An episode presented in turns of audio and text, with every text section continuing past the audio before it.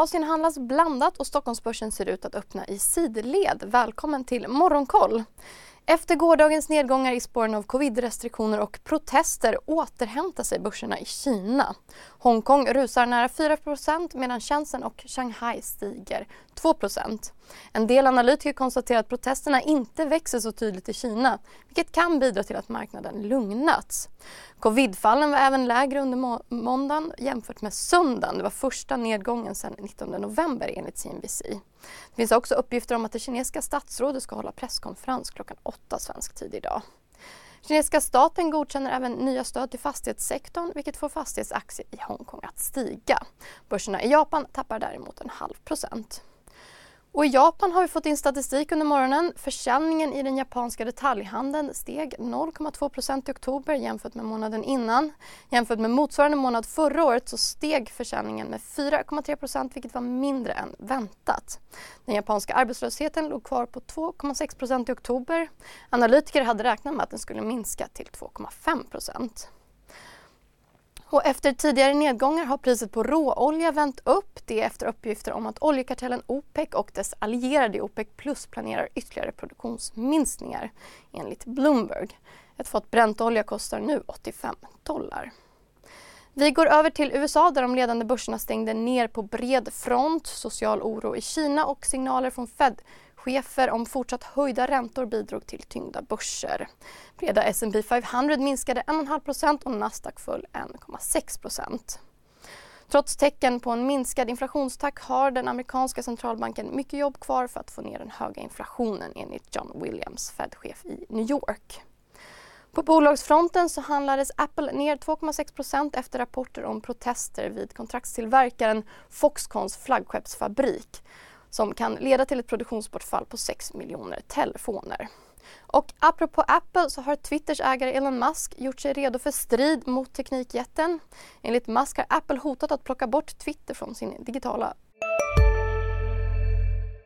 Har du också valt att bli egen? Då är det viktigt att skaffa en bra företagsförsäkring. Hos oss är alla småföretag stora och inga frågor för små. Swedeas företagsförsäkring är anpassad för mindre företag och täcker även sånt som din hemförsäkring inte täcker. Gå in på swedea.se företag och jämför själv.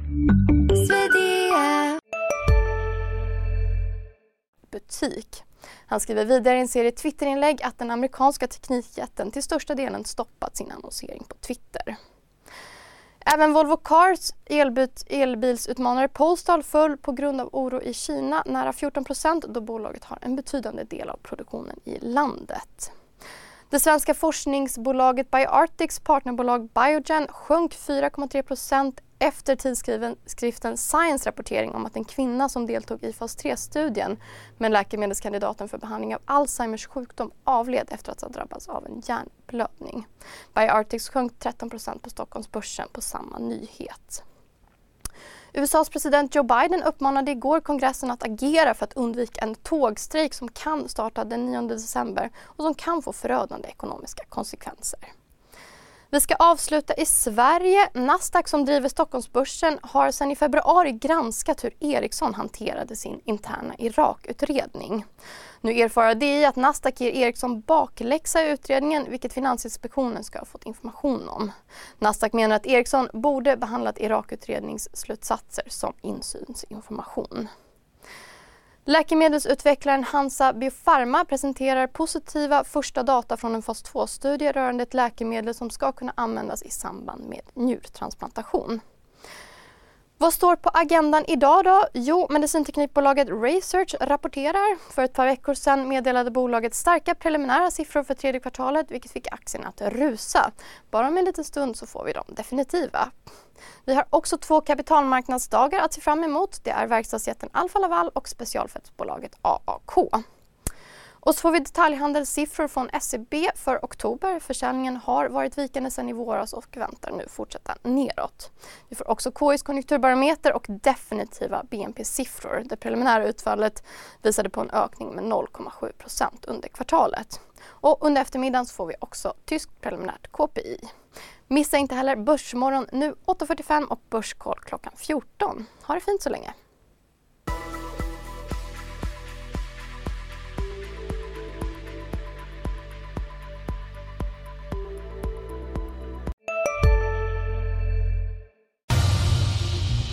Expressen gör varje vecka podden Politikrummet där vi djupdyker i det senaste och viktigaste inom svensk politik. Med mig, Filippa Rogvall, som programledare tillsammans med mina vassa kollegor. Och det är ju ni som heter... Thomas Nordenskjöld. Anette Holmqvist.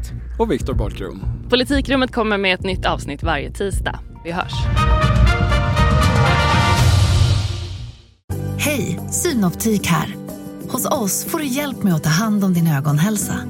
Vår synundersökning kan vi upptäcka både synförändringar och tecken på vanliga ögonsjukdomar. Boka tid på synoptik.se.